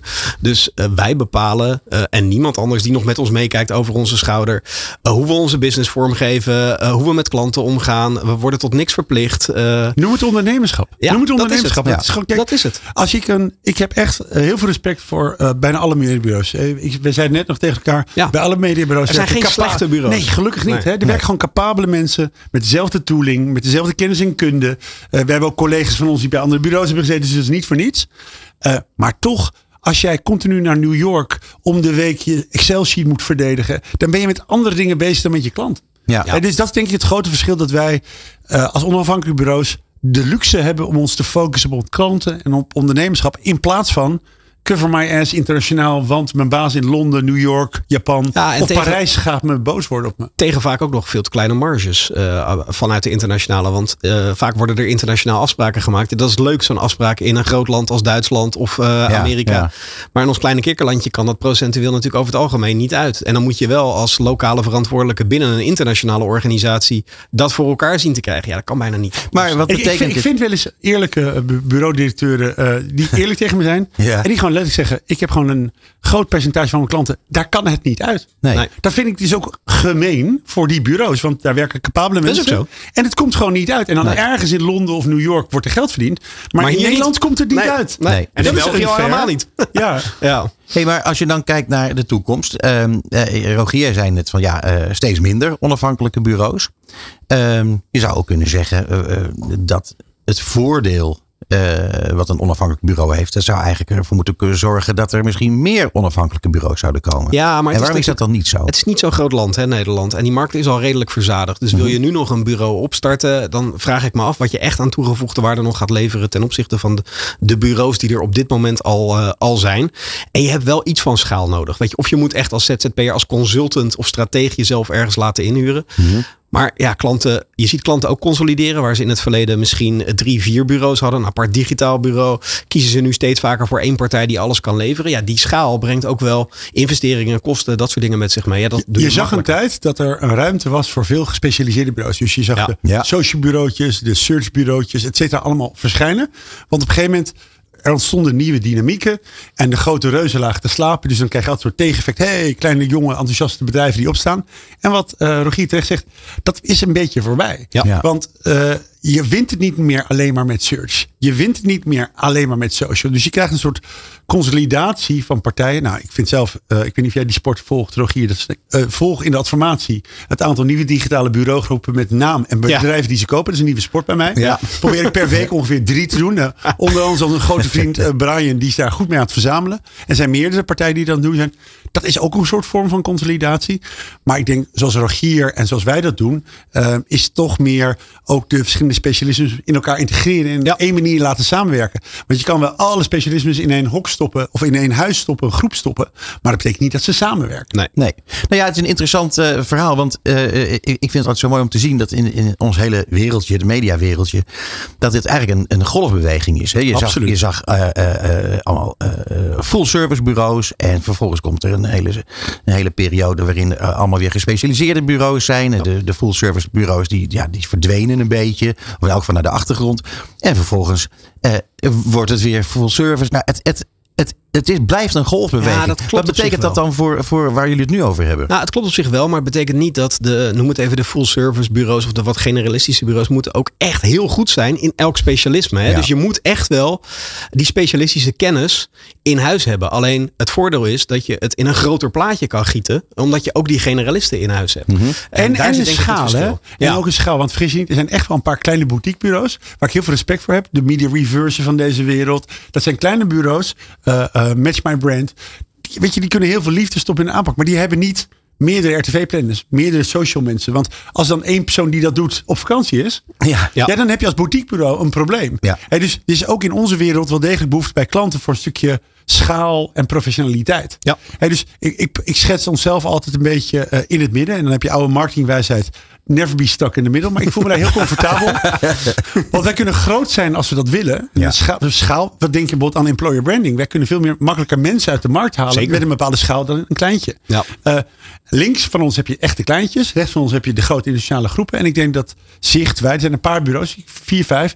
Die voelen zich redelijk comfortabel in dat midden. Die voldoende groot zijn om een zware klant aan te kunnen. Maar klein genoeg zijn dat de, de CEO nog de klant spreekt en weet wie dat is. Ja. Dat is een beetje onze sweet spot. Ja, begrijp ik.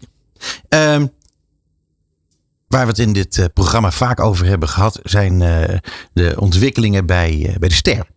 Eh, die enorme prijsstijgingen Ja. die daar nu. eh, Ik heb een mooie discussie gehad laatst met ze, naar aanleiding van een artikel wat ik erover geschreven heb. Oh, heel goed. Nou ja, dat komt mooi uit. Je had een mooie open brief. Ja, ik had een mooie Kreeg, open brief. kreeg, kreeg je veel reuring erop? Ik, nou, eh, veel is, eh, laten we het niet overdrijven. Maar ik heb uitgebreid gesprek met Frank Volmer eh, erover gehad. Ehm, die me natuurlijk ook zijn kant van het verhaal vertelde. Het enige wat voor mij nog even een nieuwe eye-opener was. eh, verder waren het, ja, weet je, zijn argumenten vanuit zijn kant van de tafel. Jij zei terecht aan het begin. Ieder heeft zijn eigen belangen. Het is goed om ze te kennen. Nou, die kennen we natuurlijk op zich wel. Wat ik nog wel opvallend vond daarin, in die prijsstijging, is dat ze aangaven volgend jaar echt 32% minder GRP's verwachten te kunnen vermarkten. Dan denk je, deels is dat lineaire kijktijd. Deels is dat eh, het feit dat er volgend jaar geen evenementen zijn. Maar wat toch wel een opvallende was, is dat we gaan naar een nieuwe meetmethodiek eh, eh, in het NMO, Nationaal Media Onderzoek. Ja. Dat verandert qua methodiek voor tv niet heel erg. Maar het panel is wel volledig anders. En daar zitten dus ook daar in de eerste testresultaten toch wel wat schommelingen in. Ehm, dan zou je zeggen, weet je, panel A of panel B. Ja, weet je, er moeten evenveel mensen in zitten van een bepaalde seks, een bepaald eh, eh, leeftijd. Ja. Alleen in de onderliggende dingen, een van de dingen die daarin bijvoorbeeld opviel, is dat in het nieuwe panel schenen eh, bovengemiddeld veel mensen te zijn die abonnementen hebben op streamingdiensten. Meer dan landelijk gemiddeld. Dus ook daar hielden zij rekening mee. Nou, dat was één argument waarvan ik ik. eigenlijk helemaal niet netjes. Dus, ehm, nee, maar goed. Hè? Ja, maar niet maar, het- ja. hoe lang, leven onderzoek. Ja. Ik, ik ken een beroemde uitspraak van Churchill. Ik weet niet, die wordt altijd in Churchill's mond gelegd. You've got lies, damn lies, statistics. Statistiek is de over te treffende trap van leugens. Ja. Want wat is je steekproef? Hoe vraag je het uit? Hoe laat je de resultaten zien? Nou, voor mij in ons vak weten we niet beter dan dat we de staartjes krijgen waarvan je met een beetje kennis en kunde er doorheen kan prikken. Klopt. Maar het is niet makkelijk hoor. Ga er maar aan staan. Nee, eens. Maar ik bedoel, als je eh, je prijzen verhoogt eh, vanwege het feit dat je gewoon last hebt van schaarste, dan zit daar wel iets van logica in. Eh, maar als je gaat Die anticiperen Ja. op, op, eh, op zaken die eh, eigenlijk nog volstrekt onzeker zijn, dan vind ik het eigenlijk niet netjes om dat als een argument te Ah, gebruiken dit is, die wel, dit is wel op korte termijn. Kijk, ik was het ook helemaal niet eens met die prijsverhoging. Maar met name omdat ik denk, kijk, commerciële partijen hebben alleen een commercieel belang. De Ster is natuurlijk niet een 100% commerciële organisatie. Hoewel ze zich af en toe Ja. wel zo gedragen. Ehm, maar daar, die hebben twee jaar geleden of drie jaar geleden toen ze naar dat vaste prijsbeleid gingen geroepen. Wij willen juist de partij zijn die voor iedereen toegankelijk blijft. Ook de MKB-adverteerder. Ook de kleine. Volstrekt transparant Ja, en ja. en dat is nu natuurlijk wel, die toegankelijkheid, die is nu gewoon, die gaat echt wel op de schop. Het wordt voor partijen echt lastig om tv zometeen, eh de wat kleinere partijen, om dat middel echt rendabel te krijgen. En dan praat je ook helemaal in het straatje van Zicht en van de boven. Ja. Wij werken voor de grote jongens. Zicht heeft ook een paar grote klanten. Hè? De Lidl's bij jou. Ja. Eh, eh, ik zeg maar bij mij de Postcode Loterij. Weet je, dat komt wel goed. Als die tv willen inzetten, Ja. dan kunnen ze dat. Maar wij hebben ook klanten waar wij voor werken. De middelgrote, uitdagende merken. En daar is die drempel net wel of net niet tv. Dat Ja, en wat ga je dan Klopt. adviseren? Nou, wat, wat we sowieso, maar dat doet de hele markt ook. Ja. Je gaat natuurlijk van tv weg in de zin van tv als doel op zich. Je gaat naar Toto Video, waarin je feitelijk tv neerzet als een onderdeel van een breder spectrum. Want je zal wel moeten. TV levert het ook gewoon niet meer. Hè? Dus nog los van de prijs. Kijk, als je nou meer betaalt en je weet dat het werkt, dan heb je een heel makkelijker gesprek. Want dan zeg je, nou weet je, de effectiviteit is zo goed. Klopt. Die prijzen, maar dat neemt niet toe. Hè? TV neemt in Het wordt niet effectiever. Het wordt niet Nee, effectiever. nee, nee. Het wordt duurder, maar niet effectiever. En daar zit, dus dat betekent dat tv nog wel een soort magie heeft. Dat is die magie van video en audio die samenkomt, waardoor je een emotie kan overbrengen. Dat blijft. Ja. Maar gelukkig voor ons zijn er in het hele online video en in allerlei andere plekken eh, eh, video-audio oplossingen die dat ook kunnen bieden. Dus daar ga je steeds meer naar hellen. Dus het is ook een soort versnelling van die downturn van televisie. Dus daarom was ik het eens met de brief van Rogier. Moet je dit met elkaar wel willen? Want eigenlijk versnel je met dit beleid de leegloop die al op het medium plaatsvindt. Ja, en je komt natuurlijk zo meteen wel in eh, een soort spiraal terecht. Weet je, een gemiddelde, gemiddeld grote adverteerder kan niet 24% extra dragen om dezelfde druk te hebben. Dus die moet dat, als hij dat wil, doorgaan berekenen in prijzen richting consumenten. Ja. Nou, die consumenten hebben het op dit moment ook al eh, ten dele lastig. Dus ja, die gaan misschien weer minder besteden. Zo krijg je een soort spiraal daarin. Dus ik vond juist vanuit toch eh, de ster had ik het schappelijk gevonden. Los van de hele discussie, vraag, aanbod, schaarste, dat soort dingen. Om juist in het huidige economische klimaat iets meer pas op de plaats te houden. Maar ja, Ja, goed. en wat, gaat dan vervolgens, wat gaan dan vervolgens de commerciële doen? Ja, dat weten we volgende maand, hè? Ja. Maar eh, Nou, ik Ja. denk dat we met elkaar kunnen voorspellen. dat wordt minimaal hetzelfde. Nou, nou, we kunnen voorspellen dat het- de beslissing van de ACM niet makkelijk was. Nee. Het feit dat het zo lang op zich laat wachten, kan zelfs eh, gewoon een, een leek eh, op beoordelen dat er blijkbaar punten zijn. Want anders is dat een half jaar, drie kwart jaar en dan wordt zo'n besluit genomen.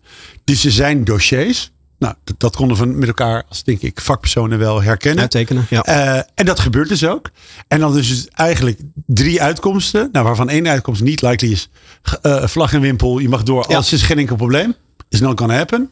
Dan heb je nog de, het mag absoluut niet. Lijkt me stug. Dus dan zit je ergens in een kwadrant van, ja. Met voorwaarden, Met voorwaarden. wat wel en wat niet. En wel, wat Ja. zijn die voorwaarden? Ja. Maar wat ik het erge vind, is namelijk dat beide clubs, waar ik veel respect voor heb, eigenlijk al anderhalf jaar met hun handen eh, eh, zeg maar in het haar zitten van wat mogen we wel, wat gaan we doen. Dus er staat ook een soort stilstand. Ja. Terwijl dat medium wel degelijk onder druk staat. Daar moet iets gebeuren.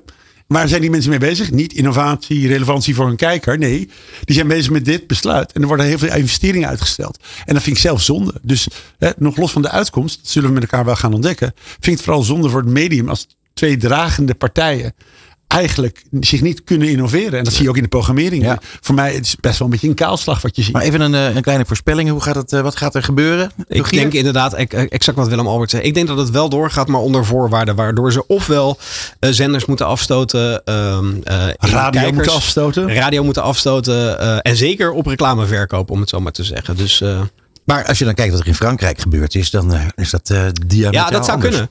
Dat zou, ook, eh, nou, daar was het ook onder voorwaarden. Alleen die voorwaarden zo stringent eh, dat een van de grote zenders, dus dat zou in dit geval dan een RTL 4 of een SBS 6, dat die afgestoten zou moeten worden. Ja, dan haal je natuurlijk de hele deal onderuit. Met alle respect, als iemand zegt, joh, RTL 8 mag je niet meer exploiteren of eh, net 5, komen ze wel uit. Daar komen ze wel uit. Maar een van de twee vlaggenschippen, dan gaat die hele deal. als ik heel eerlijk ben, ik denk dat RTL heel erg hard baalt als dit niet door kan gaan. Maar best wel het moment heeft om gewoon weer door te gaan. Ik vind, maak me veel meer zorgen persoonlijk over Talpa. Hoe die dan doorgaan. Ja. Want daar zit denk ik toch een ander momentum in. RTL heeft Videoland. Kan ook nog wel Ja. een paar andere paarden wedden. Er zit ook een gezonder, eh, groter Duits concern Zeker, achter. Wat een soort rust geeft. Bij Talpa maak ik me echt oprecht zorgen. Want weet je, het is gewoon een heel mooie club. Met hele mooie merken. Maar je wordt dan wel echt geraakt. En je hebt dan gewoon anderhalf jaar, twee jaar vertraging in je strategie. Ja. En ga dat maar eens even inhalen. En nogmaals, ik weet niet of we dat per se met z'n allemaal moeten missen. Want een geraakte talpa die ni- niet lekker in zijn vel zit. Weet je, daar- win je ook niks mee. Nee. nee, en voor de markt is het niet goed. Nee, eens, absoluut. De markt houdt van rust, reinheid en regelmaat. Het zijn net kinderen. en, eh, eh, dus, dus die stabiliteit is fijn. Eh, Ja. de, de markt houdt niet van onrust. Nee, precies. het is goed als er snel duidelijkheid is. Ja. Voor Ja, nou ja, we- ik, eh, ik ben heel benieuwd wanneer, eh, wanneer we dat eh, allemaal gaan horen. Ja, het is wel. Inmiddels heeft RTL aangekondigd het commercieel beleid voor komend jaar in ieder geval nog helemaal solistisch te doen. Dus gedurende het komende jaar gaan ze daar geen aanpassingen aan doen. Datzelfde bericht is niet vanuit Talpa gekomen. Dus het kan altijd nog zijn dat Talpa zich conformeert gedurende het jaar aan het commercieel beleid van Oh ja, RTL. We gaan het zien. Dus, ja. ja. Ja. het is wel interessant, jongens. We, we houden ons daar veel mee bezig en dat blijven we ook doen voorlopig. Ja, dan wil ik het nog eventjes hebben over eh, de, de, de eh, recessie die er, die er is of die er aankomt. Eh, Die we onszelf ook een beetje aanpraten. Ja. ja, die zeker. Ja, maar zo gaat het eigenlijk altijd. Ik weet niet of je het hebt gehoord vandaag. was Eneco en die verlaagde de prijzen. Ja, Ja. ja. Dus, dus het grappige was, er was laatst mevrouw ehm, Philippen van eh, Sandra Philippen van ABN AMRO. Die zei ook, jongens, we maken ons zorgen over de stijging die gaat komen. En natuurlijk, laten we heel eerlijk zijn, je ziet het nu al. Je kan het niet ontkennen. Maar we zijn soms banger voor wat we vrezen Ja. dan wat we nu echt zien. Dus er zit een gekke dynamiek. Ik sprak een eh, woninginrichting retailer. En die had in augustus, september de beste maanden in Ja. hun geschiedenis gedraaid. En ik kan je verklappen, woninginrichting is een cliché in elke conjunctuur. Het eerste waar mensen op gaan sparen, nou die bank, kan ik nog wel wat langer op zitten. Die Ja. keuken, die verbouwing, die stel ik even uit. Herkennen ze dus niet. Nee. Dus er zit in dit gekke eh, economisch turbulente tijden, want dat zijn het, zitten een paar hele atypische bewegingen in die niet standaard de wetmatigheden van eh, conjunctuurwisselingen volgen. Nee, dat klopt. Waardoor Nee, het dus heel onvoorspelbaar is. Eh, maar dat heeft heel erg te maken met een eh, algemeen wantrouwen in bijna alles momenteel. Nou, dat is wel waar. en is ik denk echt dat een dat lastig wel dingetje. de hele polarisatie. Ja, Ja. dat is. Ik denk dat dat het grote probleem van de huidige tijd is. Dat bijna niemand elkaar meer vertrouwt. En eh, Ik vertrouw jou wel, dus, eh, ja, ik vertrouw jou ook wel. Ja, maar niet helemaal. Maar niet. Peter, nee, Peter ja. hoorde. Peter daarentegen. Nee. Ja, nou, en nu we het daar toch over hebben, jongens. Ik heb bijvoorbeeld gehoord dat die onafhankelijke bureaus, dat die eh, toch wel een beetje bang voor elkaar zijn. Eh, bang Echt zijn waar? voor, ja, bedrijfsspionage, dat soort dingen. Ah. Ik hoorde dat Willem Albert van zins was om als Sinterklaas bij jullie eh, eh, totaal toch onherkenbaar een binnen keer te binnen. komen. Ja, ja. Hij probeert het af en toe al. Want eh, laatst was hij ook vlak naast Spontaan ons. een kopje koffie. Spontaan belt hij. Kan ik even bij je langskomen? Dus ik heb een meeting gefaked. Nee. Ja, maar weet je, je maakt een leuk grapje, Peter. Ik denk dat er ook een soort urban myth is dat bij mediabureaus hele spannende, mysterieuze dingen gebeuren. Nee, hoor. Those days are over. Weet je, eh, eh, het is allemaal, weet je, uiteindelijk zijn het, ze noem het maar consultancybedrijven, adviseurs op het gebied van media marketing. En daar is naartoe bewogen. Dus, dus alle, je hebt een hele bijzondere deal met die partij en ik niet. Die, die tijden zijn voorbij. Het is ook op buying. Ik wil niet zeggen dat buying onbelangrijk is. Maar het is eigenlijk een hygiënefactor al nu. Tien jaar geleden kon je een pitch winnen. Of nou, ik heb deals. Die heb Ja, jij ja, niet. ja. Nou, Ja. weet je, dat is allemaal echt wel naar elkaar toe eh, gebracht. En natuurlijk kan je nog wel eens met een stoute aanpak. Maar dat is de aanpak die ik kan winnen. Die jij kan pakken. Die jij kan pakken. Die jij kan pakken. Dus het is niet zo. eh, dat, ja, dus, dus dat hele mystiek. Nee, en het is niet dat die aanpak af. bij ons op de muur hangt. Dus als, als je al langs zou komen, dan eh, is het niet dat je dingen meeneemt eh, op dat vlak. Dus eh, Al balen is dat Sinterklaas pak toch maar niet bestellen. ik, weet het leuk niet. zijn, ik weet het niet. Ik weet niet of ik het die kinderen aan wil doen. eh. Maar ik vrees ook niet dat ik heel onopvallend bij jou in het pand... Als ik mijn mond open... Ik vrees zelfs voordat ik mijn mond open dat je wel... Hoi Willem Albert. Ja, Misschien, misschien mag ik dan mee als Bolle Piet. Gezellig. Heel goed. Goed, nou goed. Maar eh, dat allemaal eventjes eh, eh, terzijde.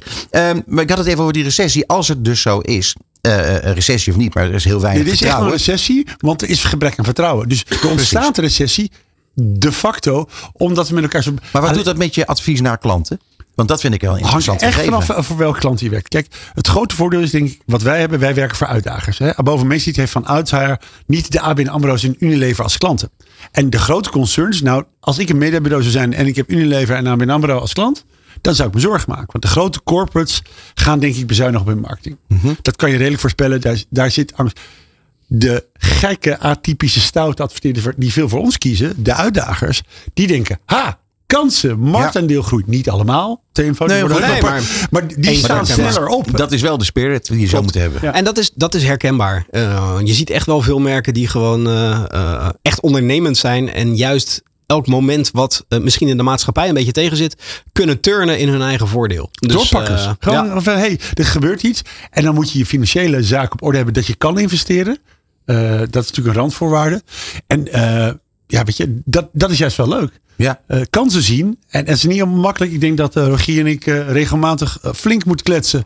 Om de bewijslast en de argumentatie om juist nu te investeren moeten leveren. Dat gaat niet één op één. Nee. Want daar zitten ook aandeelhouders en oprichters die denken: hmm, moet ik nou juist voorzichtig zijn of niet?